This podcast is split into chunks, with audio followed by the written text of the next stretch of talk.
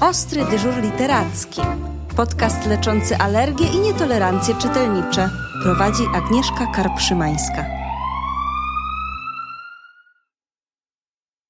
Dzień dobry, witamy się z Wami tym razem z Poznania, a dokładniej z księgarni, a jeszcze dokładniej z księgarni z bajki. Naszym gościem jest dziś pani Krystyna Adamczak. Panią Krystynę już znacie, ponieważ z panią Krystyną rozmawialiśmy w zeszłym roku, również w podcastach i przybliżaliśmy zupełnie niezwykłe miejsce, jakie stworzyła, w jakim pracuje w jakim zachęca do kontaktu z książkami, z literaturą, z pięknymi historiami młodych czytelników. Dzień dobry, Pani Krystyno. Dzień dobry, witam Panią, witam wszystkich Państwa. Pani Krysiu, ja mam takie poczucie, zwłaszcza teraz w tej atmosferze przedświątecznej, że w Pani księgarni taka niezwykła atmosfera trwa cały rok. Czy u Pani cały rok są trochę święta? Hmm. Święta są zawsze wtedy, kiedy mamy radość w sercu i mhm. kiedy mamy potrzebę uzewnętrznienia tej radości w uśmiechu, w ciepłym spojrzeniu, w akceptującym dotyku, w obdarowywaniu się tymi skarbami, które mamy bez kupowania które mamy w sobie i które są najcenniejsze, a nawet bezcenne. Zawsze wtedy jest Boże Narodzenie, zawsze wtedy jest święto. Hmm, trochę miałam nadzieję, że powie Pani coś takiego, bo w tych czasach, kiedy e, wszystko już jest prawie normalne, ale jednak wszyscy chyba mamy odrobinę powodów do wciąż do narzekania, do smutku, do niepokoju. Bardzo potrzebne nam są takie słowa i bardzo chyba nam potrzebne jest takie miejsce, gdzie właśnie można wejść i tam są właśnie takie święta. Tak, to prawda. Czekamy na wszystkich naszych gości z otwartymi drzwiami, otwartymi sercami, uszami i z uważnością, bo myślę sobie, że ta uważność na każdego człowieka jest bardzo, bardzo cenna i jest zauważana przez ludzi młodych, w średnim wieku i też starych. Ludzie przychodzą czasem po to, żeby nam objawić jakąś swoją tajemnicę. Dzisiaj taka pani, która przychodzi do nas codziennie, powiedziała, odwołała mi od innej klientki, mówi, muszę pani coś powiedzieć, ale absolutnie, chociaż na minutkę proszę do mnie podejść. Będzie miała w maju wnuczkę, bardzo się cieszy, ma 80 parę lat i to będzie jej pierwsza wnuczka po kilkorgu chłopcach, więc ludzie traktują nas jako członków rodziny, powierników swoich sekretów, przyjaciół, dobrych sąsiadów. Jesteśmy takim miejscem na planie Poznania. Mm, to już wiem, co czyni tą niezwykłą atmosferę. E, święta kojarzą nam się też ze spokojem, z ciepłem, z taką chwilą dla siebie, ale tak sobie cały czas myślę, że to taka trochę chwila jak chwila z książką, prawda? Czy każda chwila z ulubioną książką może być takim małym świętem, właśnie takim wytchnieniem od codzienności? Tak, każda chwila z książką, bo książka nas zwraca ku sobie. Kiedy sobie myślę, i nawet wczoraj mi koleżanka zapytała, po co ja to robię, mhm. to właśnie sobie wtedy pomyślałam, że tak najbardziej po to, żeby zwrócić człowieka ku sobie i są takie dwa obszary, które nas ku sobie zwracają. To jest nasza samotność, która mm, nie jest y, przez wszystkich dobrze rozumiana, a drugą taką mm, istotną przestrzenią są książki, po które sięgamy, bo ta książka jest byciem z bohaterem literackim, ale też byciem ze swoimi myślami, czyli z tą naszą taką mm. osobistą oddzielnością. No tak, bo każdą książkę, naszą... którą bierzemy, wypełniamy właściwie sobą. Mhm. Tak. I każda tak. książka jest spotkaniem z sobą. I to jest taka samotność nasycona tym wirtualnym towarzyszem, tym wirtualnym przyjacielem, powiernikiem, kimś takim, kogo w tej książce znajdujemy. I to jest dla mnie ogromna wartość książek. Nawet nie tak wielka, że nas czegoś uczą, że tam sobie podróżujemy po dalekich krajach, po baśniowych horyzontach, czy mm, spotykamy się z jakimiś światami wymyślonymi w książkach fantazy, ale to bycie z sobą w takiej ogromnej intensywności. To jest to, co mnie do książek od zawsze przyciągało i co myślę jest arcyważne, jeśli nawet nieuświadomione dla innych ludzi. I po to czytamy, żeby to spotkanie z sobą mieć. Hmm, jak to wytłumaczyć współczesnym dzieciom, które są po pierwsze przebodźcowane, po drugie mają całe mnóstwo najróżniejszych możliwości, a po trzecie, e, te możliwości bardzo często w taki sposób się promuje, że ciężko tak ważne, piękne, głębokie słowa do tego w jaki sposób, jakikolwiek sposób przyłożyć. Dzieci w sposób naturalny lgną do książek. Jeśli my ich od książki nie odgradzamy, to one są bliskie temu i dzieci potrzebują książek równie bardzo jak my dorośli. Mhm. I wszystko zależy od tego, jak im te książki zaprezentujemy, w jakiej atmosferze. Jeśli mm, damy im to w atmosferze radości, zabawy, ciepła, bliskości, albo tańca, uśmiechu, radości, skoków, szaleństwa, przebieranek, to, co my robimy na porankach literackich w każdą sobotę o 11, to to jest to, co, co dzieci przywiązuje do książek, co ich do tego czytania zaprasza, zachęca i co buduje w nich czytelnika, niezależnie od tego, czy mają dwa lata, trzy, pięć czy dziesięć. I dzieci też potrzebują tajemnicy. I my tę tajemnicę budujemy. Po to są u nas te magiczne drzwi, po to aranżuję zawsze jakieś mm, przebieranki, jakieś rzeczy, które się wydarzą. Dzieci uwielbiają, kiedy im na jedną minutę każemy zamknąć oczy i mówimy, że coś zaraz wyskoczy. Cokolwiek to jest, ale uwielbiają, kiedy dla nich budujemy ten cały anturaż niezwykłości, baśniowości, kiedy dzieci mają świadomość, że właśnie coś dla nich przygotowujemy albo przygotowaliśmy i które się zaraz przed nimi odsłoni. Takie budowanie teatru domowego. To jest to, co jest bardzo atrakcyjne dla dzieci. I jeśli w takiej atmosferze podajemy im książki, to mamy ich już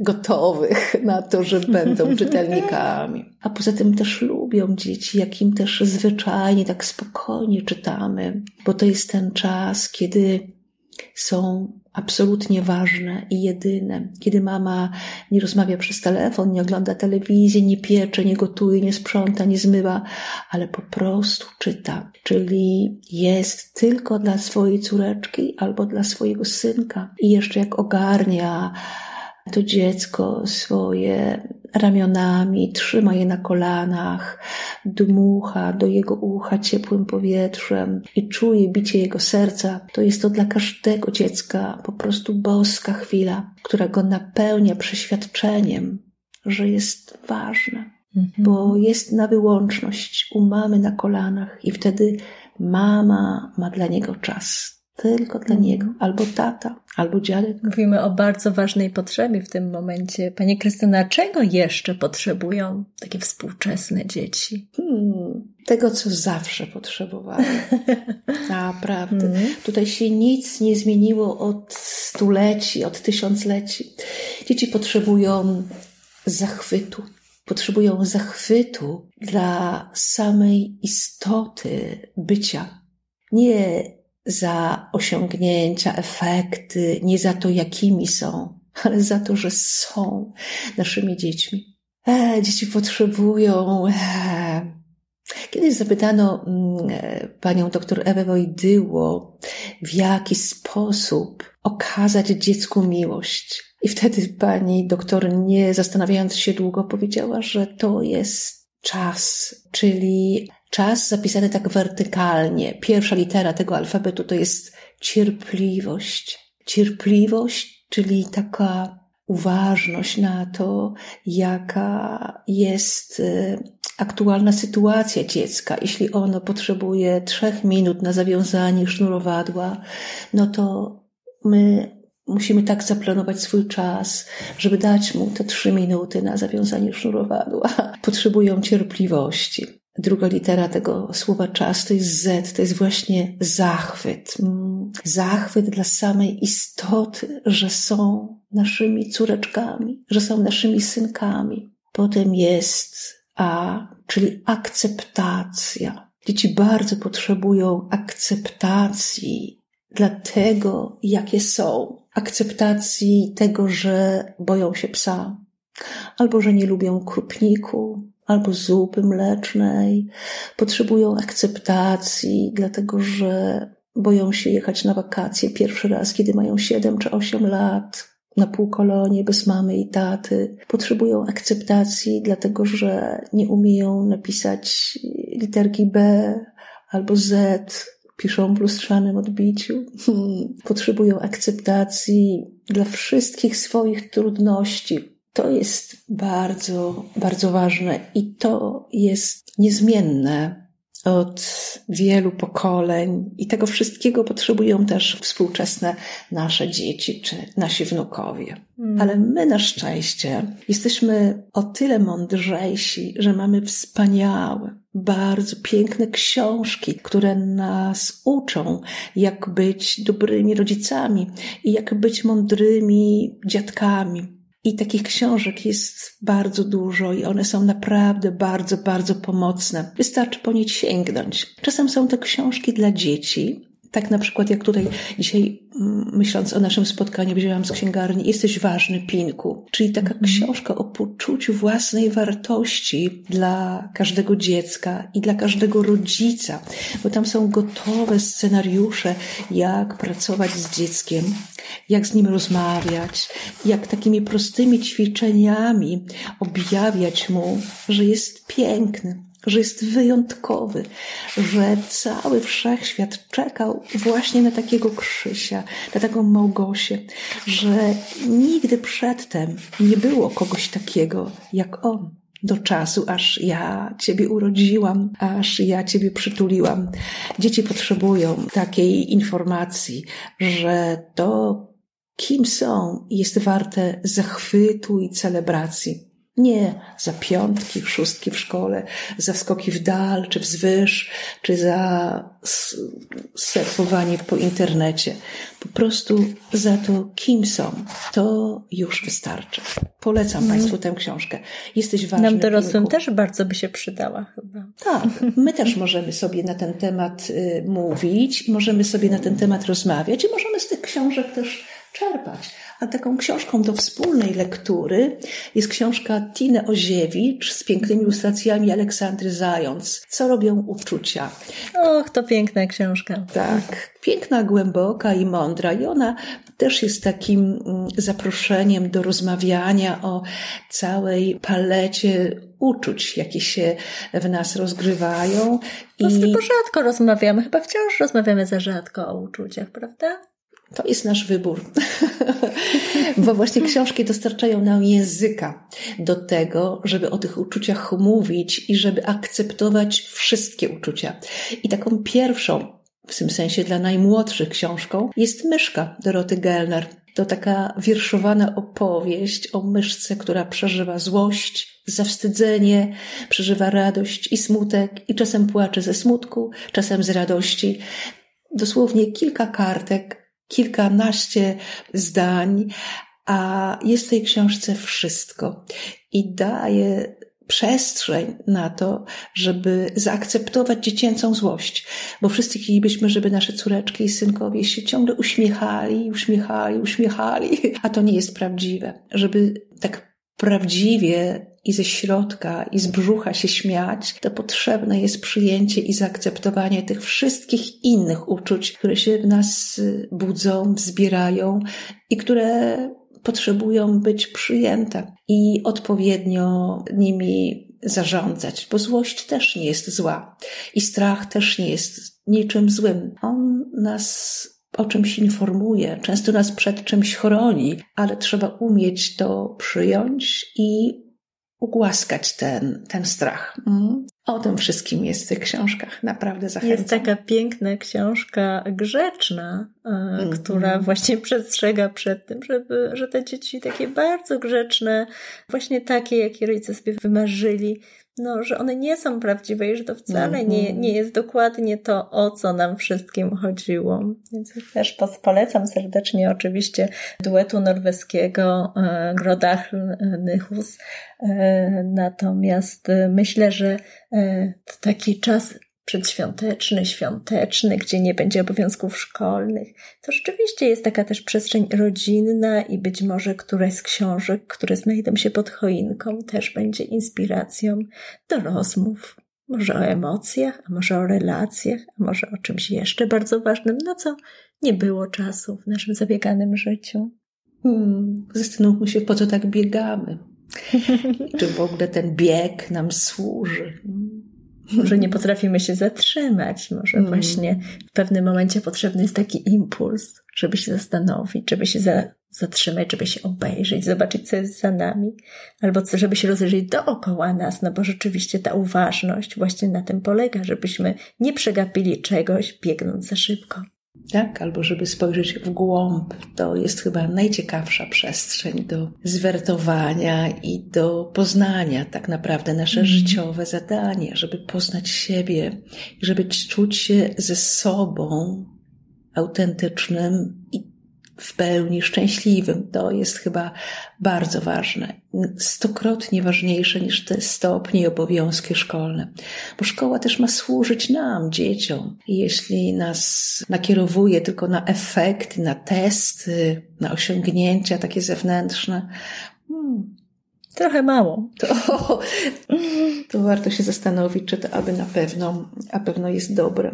Jest taka książka też Szkoła w domu. Teraz myślę, że w ogóle cenna po tych doświadczeniach covidowych, kiedy wiele miesięcy nasze dzieci pracowały w domu i my, rodzice czy dziadkowie, byliśmy dla nich takimi nauczycielami najpierwszymi. I to jest świetna książka, bo napisała ją Julie e, Borga, która jest matką ośmiorga dzieci. Jak ona zarządza czasem swoim i swoich dzieci, bo dla nich nauka jest przyjemnością. Mm, to wielka sztuka. Tak, dzieci, które e, uczą się w radości, w zabawie, mózg wtedy inaczej funkcjonuje. Po prostu wszystko się otwiera na poznawanie i wtedy nie trzeba się niczego uczyć. Wtedy wszystko przenika, po prostu dzieci się uczą w zabawie, w radości, w wesołości i uczą się każdą komórką ciała. I nie uczą się do testów, do egzaminów, tylko uczą się dla siebie, dla życia, dla świata. Uczą się dla radości, i to wszystko zapisuje się wtedy na zawsze, bez wysiłku, bez napięcia, bez starania. To jest taka szkoła, o której marzę dla wszystkich dzieci. Tak. Pani Krysiu, ale te założenia, o których Pani mówi, to nie są nowe założenia. Od Prawda? wielu lat się mówi o tym, że powinniśmy dzieci uczyć w szkołach i nie tylko.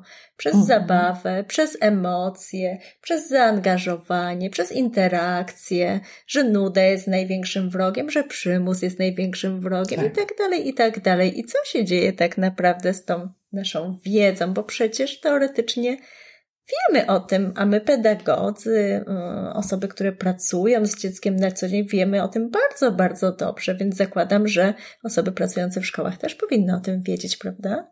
Obserwuję, że wielu jest takich dobrych, wspaniałych nauczycieli, tylko mhm. trzeba ich docenić i pozwolić im uczyć swoje koleżeństwo, żeby zarażali swoją pasją i sposobami. Można to podglądać. Też nawet na Facebooku publikują całe mm -hmm. gotowe scenariusze zajęć. No właśnie. Obserwuję takie nauczycielki i nauczycieli i takich osobowości jest wiele i można z nich czerpać. Wszystko zależy tak naprawdę od tego, kto uczy nasze dzieci i jaka to jest y, osoba i czy jej się chce, czy ta radość, y, iskrzenie i y, czy to jest też jej domeną. Mm, to prawda. Znaczy warto, myślę, w tym momencie przypomnieć, że e, każda okazja, by podziękować, pochwalić, w jakiś sposób docenić tak. chociażby słowem taką osobę jest mm -hmm. warta wykorzystania, bo mm, kurczę, no czasami może przestać się chcieć, a to tak strasznie by było szkoda. To prawda, wszyscy tak naprawdę mamy deficyt uznania,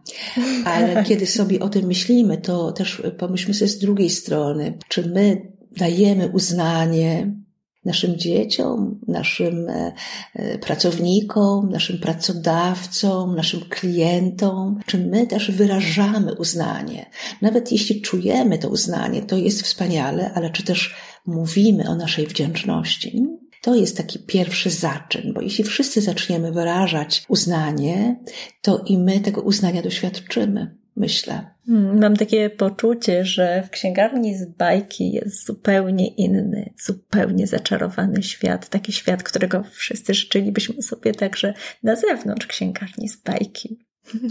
Pani Krystyna, dziękuję za ten fragment świata, który pan, Pani tam tworzy, ale ja muszę wrócić do pytań o książki.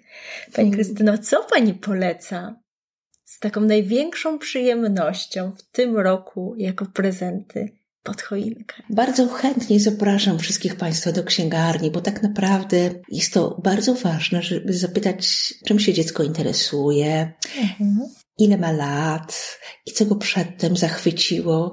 Ja tak zaczynam rozmowę o książce, dla kogo mam tę książkę polecić, bo chciałabym tę książkę jak najlepiej dobrać do osoby, czy już jest rozczytane i może przebrnąć przez 200 stron drobnym maczkiem, czy też dopiero z trudnością, porusza się po drukowanych ścieżkach.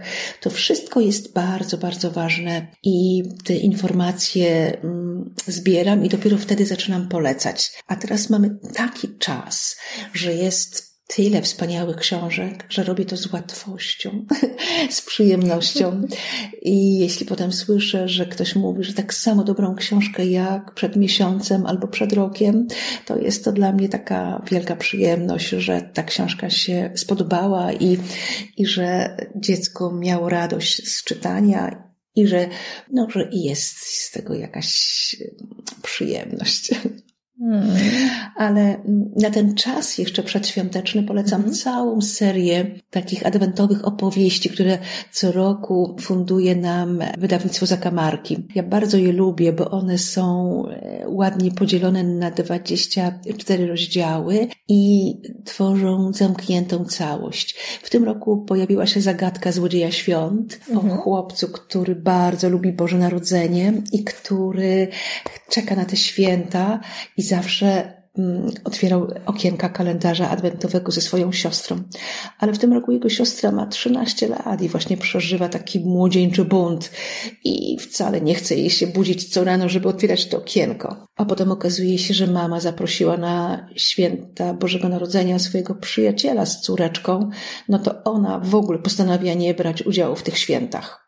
I co gorsza, pojawia się dziwna postać w ich ogrodzie i coraz to zaczynają znikać różne świąteczne dekoracje. I bohater tej książki postanawia wszcząć śledztwo. Bardzo ciekawa historia. Taka historia o prawie do szczęścia, które daje sobie mama trzydziestoparoletnia kobieta, czy czterdziestoparoletnia kobieta, która jest sama z dwójką dzieci, i czy nastolatka może jej w tym przeszkodzić i co tak naprawdę się rozgrywa w tym domu. W zeszłym roku się pojawiła historia też o chłopcu, który też ma 6 lat, podobnie jak bohater tej książki, jak ratowaliśmy Wigilię. Taka mhm. opowieść o tym, że święta Bożego Narodzenia dla tego chłopca są bardzo, bardzo ważne, bo wtedy właśnie przyjeżdża jego dużo starsza siostra, która już jest dorosła i mieszka w Australii. Ale pani, która 1 mm, grudnia otwiera kalendarz wigilijny i powiada, że najważniejsza jest kartka ostatnia, ta z datą 24 grudnia. To chłopiec postanawia tę kartkę ukraść, bo myśli sobie, że tylko on w całej społeczności tej grupy jest jedyną odpowiedzialną osobą, która może tę wigilię uratować. No ale cóż, kiedy mama pierze spodnie z tą kartką i kartka się niszczy. To piękna opowieść o kłamstwie, i o samotności naszej w kłamstwie, jeśli się taka zdarzy, i o przyjaźni, i do, o dobrych relacjach, i o tym, że cuda się zdarzają, nie tylko w grudniu. Hmm. Ale tak najbardziej z tych mm, adwentowych opowieści lubię prezent dla cebulki. On mnie wzrusza w całości i jest po prostu przepiękny to opowiesz o tym, że tak naprawdę dzieci bardzo, bardzo potrzebują miłości obojga rodziców, i mamy, i taty, i potrzebują być w prawdzie, i potrzebują mieć dwoje rodziców. No, wiele wspaniałych książek e, spośród tych adwentowych opowieści, bo i święta dzieci z dachów, naprawdę wszystkie te mm, historie są cudowne. Tak, w, wydawnictwie Zakamarki zawsze pojawiają się książki, w których jest mnóstwo emocji, ale w których też się pojawiają takie bardzo współczesne sytuacje, z którymi dziecko ma do czynienia w swoim codziennym życiu, a nie zawsze wie, jak sobie poradzić. Tutaj e, ta pierwsza książka, o której Pani wspomniała, taką relację też e, pokazuje, gdzie e, mhm. zastanawiamy się, czy mamy prawo do szczęścia, czy mamy prawo do jakiegoś wtargnięcia w życie dotychczasowe realia życia naszego dziecka. Bardzo podobny wątek zresztą podejmuje Rowling w najnowszej książce Gwiazdkowy Prosiaczek tak. Tam też mamy przecież e, rodziców, którzy się rozstają z bardzo różnych przyczyn, mm-hmm. ale którzy też zakładają e, na nowo rodzinę i próbują stworzyć dom i pokazuje, jak duża, jak trudna to jest e, praca, by stworzyć taką przystań, pełną bezpieczeństwa, jeśli nawet nie od razu miłości wszechogarniającej, to chociaż rzeczywiście takie miejsce, gdzie wszyscy czują się dobrze i, i u siebie. Tak, takiej akceptacji i autentyczności, bo ten bunt trzynastolatki jest bardzo prawdziwy. Ta tak. mama też staje za sobą i też jest bardzo prawdziwa. I nie ma tutaj mm, siłowania, aczkolwiek ta trzynastolatka tymi wszystkimi aktami próbuje pokazać, jak bardzo jest wściekła i obrażona i ma do tego mm. Prawo. Ale mama zaprasza swojego przyjaciela z dwuletnią córeczką i też ma do tego prawo. I bardzo ładnie jest pokazana ta historia właśnie, jak to się rozgrywa i jak to się może dobrze skończyć, bo nie chcę, nie chcę ujawniać zakończenia dla tych wszystkich z Państwa, mm -hmm. którzy nie przeczytaliście tej książki, ale, ale po prostu jest tam bardzo wiarygodnie ten cały proces opisany aż do takiego przyjaznego finału, do takiego ładnego finału. Ale z mhm. naszego podwórka i Barbara Kosmowska odważa się poruszać po bardzo trudnych i, i mm, ważnych tematach związanych y, z rodziną patchworkową, ba ze śmiercią mm, jednego z rodziców i z przyjmowaniem takich trudnych zadań życiowych. Ta książka przedostatnia Basi Kosmowskiej, Gwiazda z pierwszego piętra, też porusza bardzo, bardzo ważny problem dziecka niewidzianego, bo oto właśnie w rodzinie jest starsza córeczka, która jest kongenialna, wszystko jej się udaje, po prostu wszystko czegokolwiek dotknie, przemienia w sukces, bo i jest najlepszą uczennicą i przynosi najlepsze stopnie, i gra na pianinie, jest świetną aktorką i śpiewa i tańczy i po prostu ach. Ale kiedy dziecko ginie tragicznie podczas wyprawy rowerowej z ojcem, to w domu pojawia się wielki smutek i rozpacz. A ta druga córeczka jest po prostu niewidziana, bo jest inna, jest normalna. Nie lśni tak jak tamta, której już nie będzie. I tutaj jest bardzo ważny problem takiego zobaczenia autentyczności dziecka. To jest wielki takie zadanie dla rodziców, żeby nie przegapić tego drugiego, tego innego dziecka, które nie objawia tak lśniących talentów, ale jest po prostu sobą. Bardzo piękna i bardzo niezwykła książka. Ogromnie ją lubię i też ją serdecznie polecam.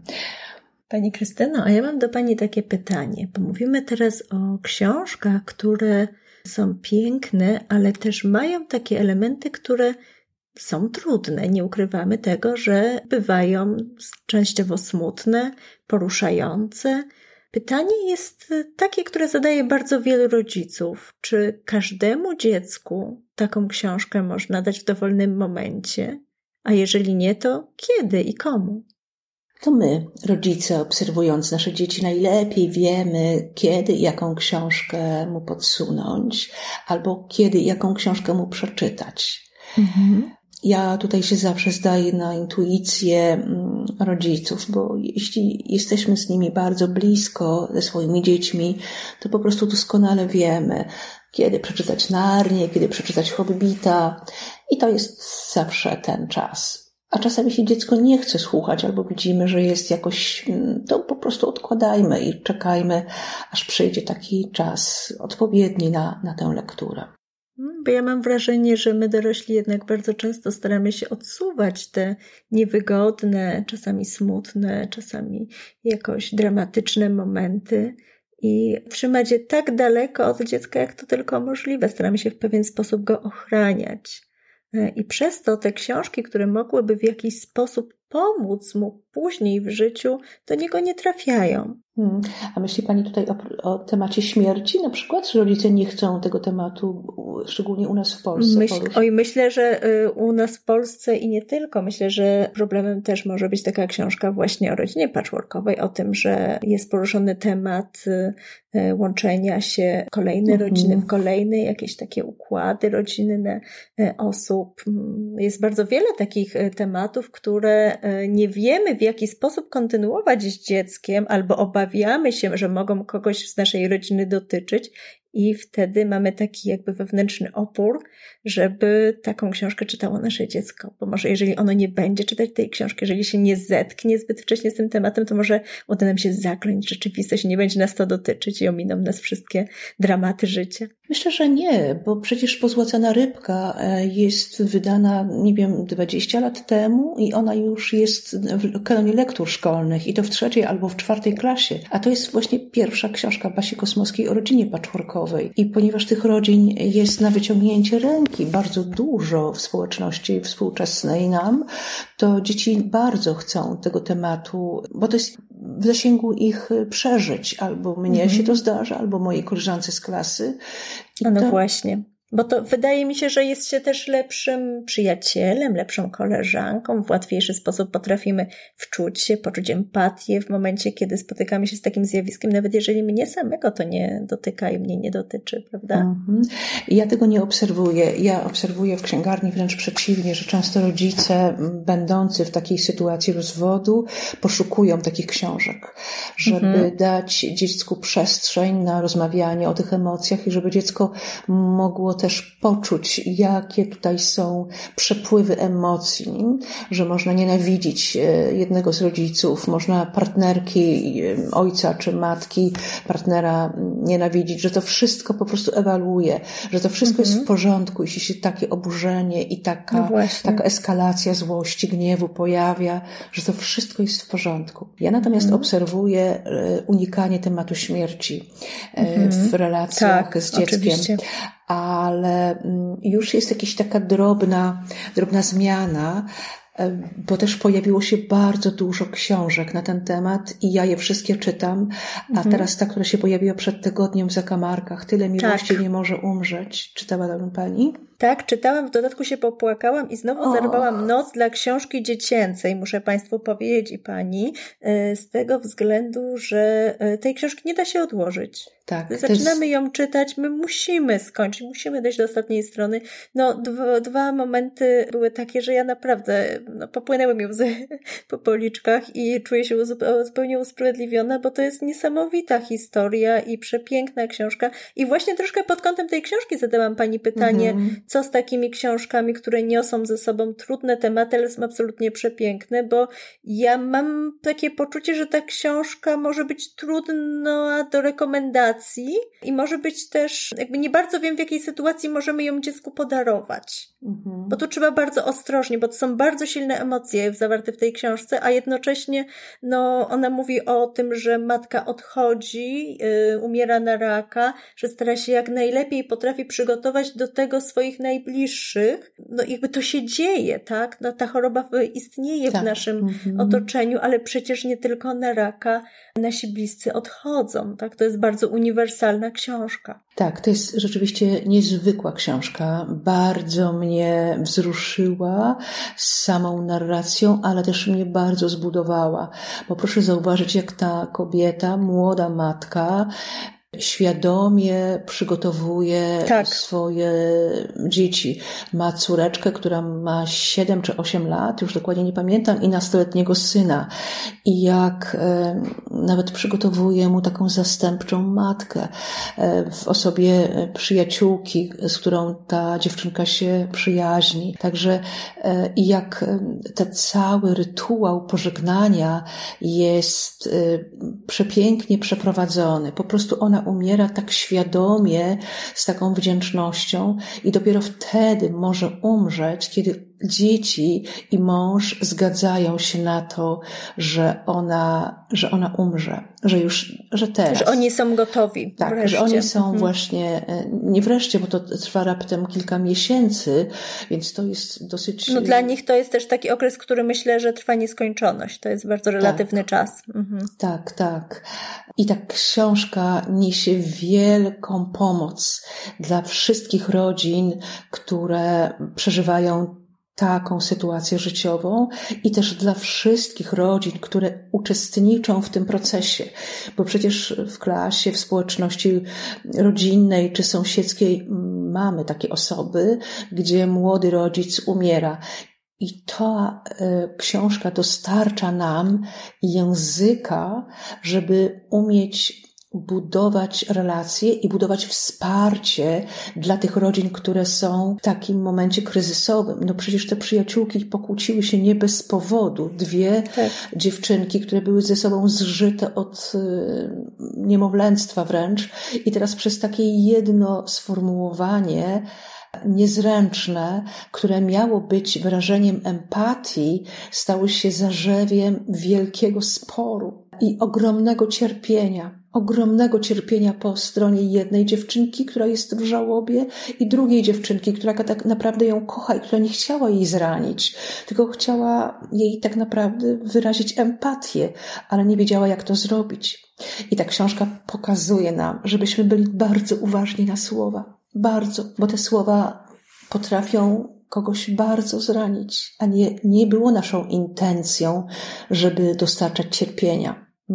Naszą intencją była raczej empatia, ale nie takich słów się używa, kiedy chce się wyrazić empatię. Ale skąd możemy o tym wiedzieć? Właśnie z tej książki, albo z takiej książki, którą też bardzo, bardzo polecam, która jest absolutnie genialna.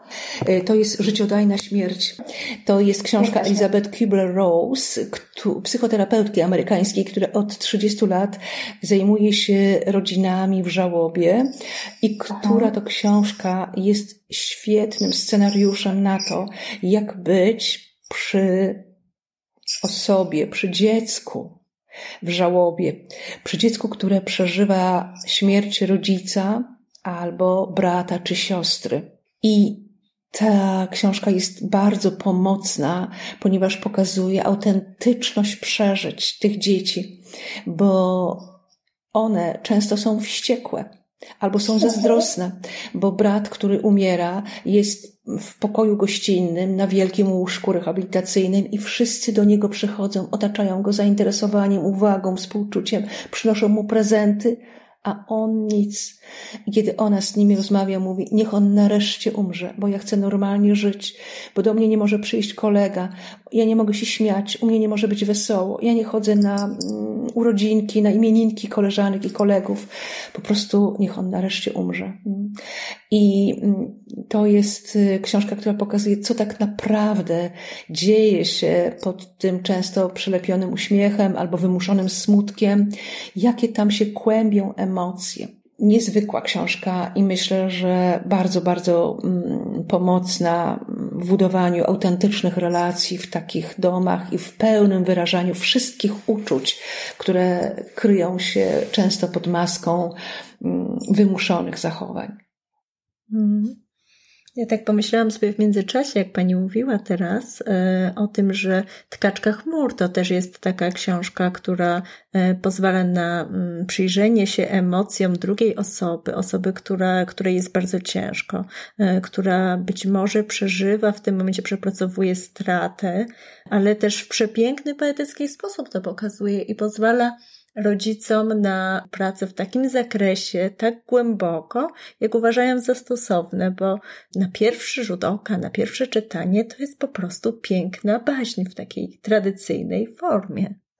To ja bardzo rekomenduję, tym bardziej, że przepiękne y, ilustracje Marianny Sztymy, więc y, tym bardziej y, całość jest nieprawdopodobnie poetycka, a wydało to wydawnictwo Albus, które bardzo często wydaje takie książki, które mają pokazać rzeczywistość z trochę innej strony, z innej perspektywy. E, pani Krysiu, w takim razie, czy jeszcze jakąś rekomendację, czy jakieś ładne życzenia, takie literackie, pozytywne, na święta, pełne energii i, i nadziei. Hmm. A może taką książkę, która niesie dużo nadziei i radości, bo mówiłyśmy o bardzo poważnych tematach, ale przecież jest mnóstwo też takich książek, które, po, po których po prostu robią nam robi nam się dużo, dużo lepiej. To ja taką książkę polecam e, Marie Per, Tonia z Gillimardaren. Ona się dzieje w takiej śnieżnej scenerii w szwedzkim miasteczku, a właściwie takiej większej wioseczce, gdzie Tonia, ośmioletnia dziewczynka, jest jedynym dzieckiem tam e, w tej osadzie i ma przyjaciół przyjaciół w osobie takiego mm, dojrzałego mężczyzny, który jest y, pasterzem i ma ciotki, mnóstwo ciotek, które mają po 70-80 lat. I jedna z nich jej mówi, że w życiu najważniejsza jest prędkość i wiara w siebie. E, I poczucie humoru. E, wiary w siebie jej nie brakuje, mogłaby obdzielić tą wiarą w siebie pół Gilmardaren. Prędkość osiąga na saneczkach wyścigowych, które buduje dla niej ten przyjaciel, pasterz. No a śmiechem zaraża całą osadę. Śmieje się i piosenki śpiewa po prostu zjeżdżając z prędkością wiatru z gór e, na owych e, saneczkach wyścigowych, które mają jeszcze kierownicę. Ale w tej osadzie jest e, pensjonat. Jeden, jedyny pensjonat, którego właściciel deklaruje, że nie lubi dzieci. Ba nie cierpi ich. I właściwie te dzieci mogą przyjechać do niego i się ulokować jak dorosną i zgrzecznieją. No ale cóż, kiedy właśnie któregoś dnia pojawia się tam matka z dwójką dzieci, bo tata nie pojawił się na peronie i kiedy pociąg podjechał, no to ona po prostu wsiadła z tą dwójką dzieci. I wtedy Tonia ratuje im życie, umieszczając ich u tego swojego przyjaciela, pasterza, hodowcy owiec. I to pan, e, ten gospodarz zbudował jeszcze dwoje saneczek wyścigowych i dzieci śmigają i po całym dniu na śnieżnym puchu po wyścigach są wilczo głodne i zajadają tam sarninę czy, czy gulasz, który dla nich przygotował i sobie rozmawiają, że dorośli to jednak nie mają rozumu, bo tata ani nie dzwoni, ani nie pisze i w ogóle dorośli kłócą się o byle co. I wtedy ten dojrzały, starzejący się mężczyzna też myśli sobie, że i on czeka na taki ważny list, bo kiedy jego córka miała naście lat, to wyszła z domu i trzasnęła drzwiami, pokłócili się strasznie. I to dla niego jest powód do wielkiego cierpienia i bólu. I kiedy Tonia się o tym dowiaduje, to tak aranżuje sprawy, że ów pan bierze telefon i wybiera numer dawno nie, dawno nie wybierany. I kiedy po drugiej stronie przewodu słyszy głos dobrze znany, chociaż dawno niesłyszany, to wszystkie ważne słowa, które miał do powiedzenia, grzęzną mu w gardle. Ale Tonia nie traci rezonu i podsuwa skrzypce, stare skrzypce, i wtedy gospodarz zaczyna grać taki utwór, który jest świetnie rozpoznawalny dla osoby po drugiej stronie telefonu. I to jest mądrość dziecka, które wie w intuicyjny sposób, że nie warto się kłócić i że warto mówić sobie wszystko, co jest do powiedzenia, póki jest na to czas. A najbardziej warto mówić proste i dobre słowa, słowa miłości, słowa wdzięczności, której nam tak wszystkim bardzo, bardzo na co dzień brakuje. Więc życzę Państwu na ten świąteczny czas, żebyście Państwo mieli odwagę takie słowa powiedzieć, a już zwłaszcza tym, których kochacie i których obejmujecie sercem nie każcie im się domyślać, że wiedzą, jak bardzo kocham swoje dzieci. Powiedzcie im to, jak bardzo ich kochacie i ile znaczą w waszym życiu. I powiedzcie im to, patrząc na nich prosto w oczy. Bo nasze dzieci potrzebują też widzieć roziskrzone radością nasze oczy, rodziców, dziadków, babci Potrzebują widzieć takie szczęśliwe oczy swojej mamy i swojego taty. bo one czytają i z naszych słów, ale czytają z naszych oczu. Czytają całą energię naszego ciała. Więc kiedy już zapalą się te wszystkie światełka i świeczki na stole, to podejdźcie do swojej córeczki, do swojego synka i powiedzcie mu, jak bardzo go kochacie i jak ważnym jest dla was człowiekiem i ile wnosi do waszego życia radości, sensu, światła, tego wszystkiego, o czym wiecie, a o czym tak mało mówicie. Niechaj to będą właśnie takie święta, pełne dobrych, mądrych słów, spojrzeń i lektur. To ostatnie możemy Państwu zapewnić.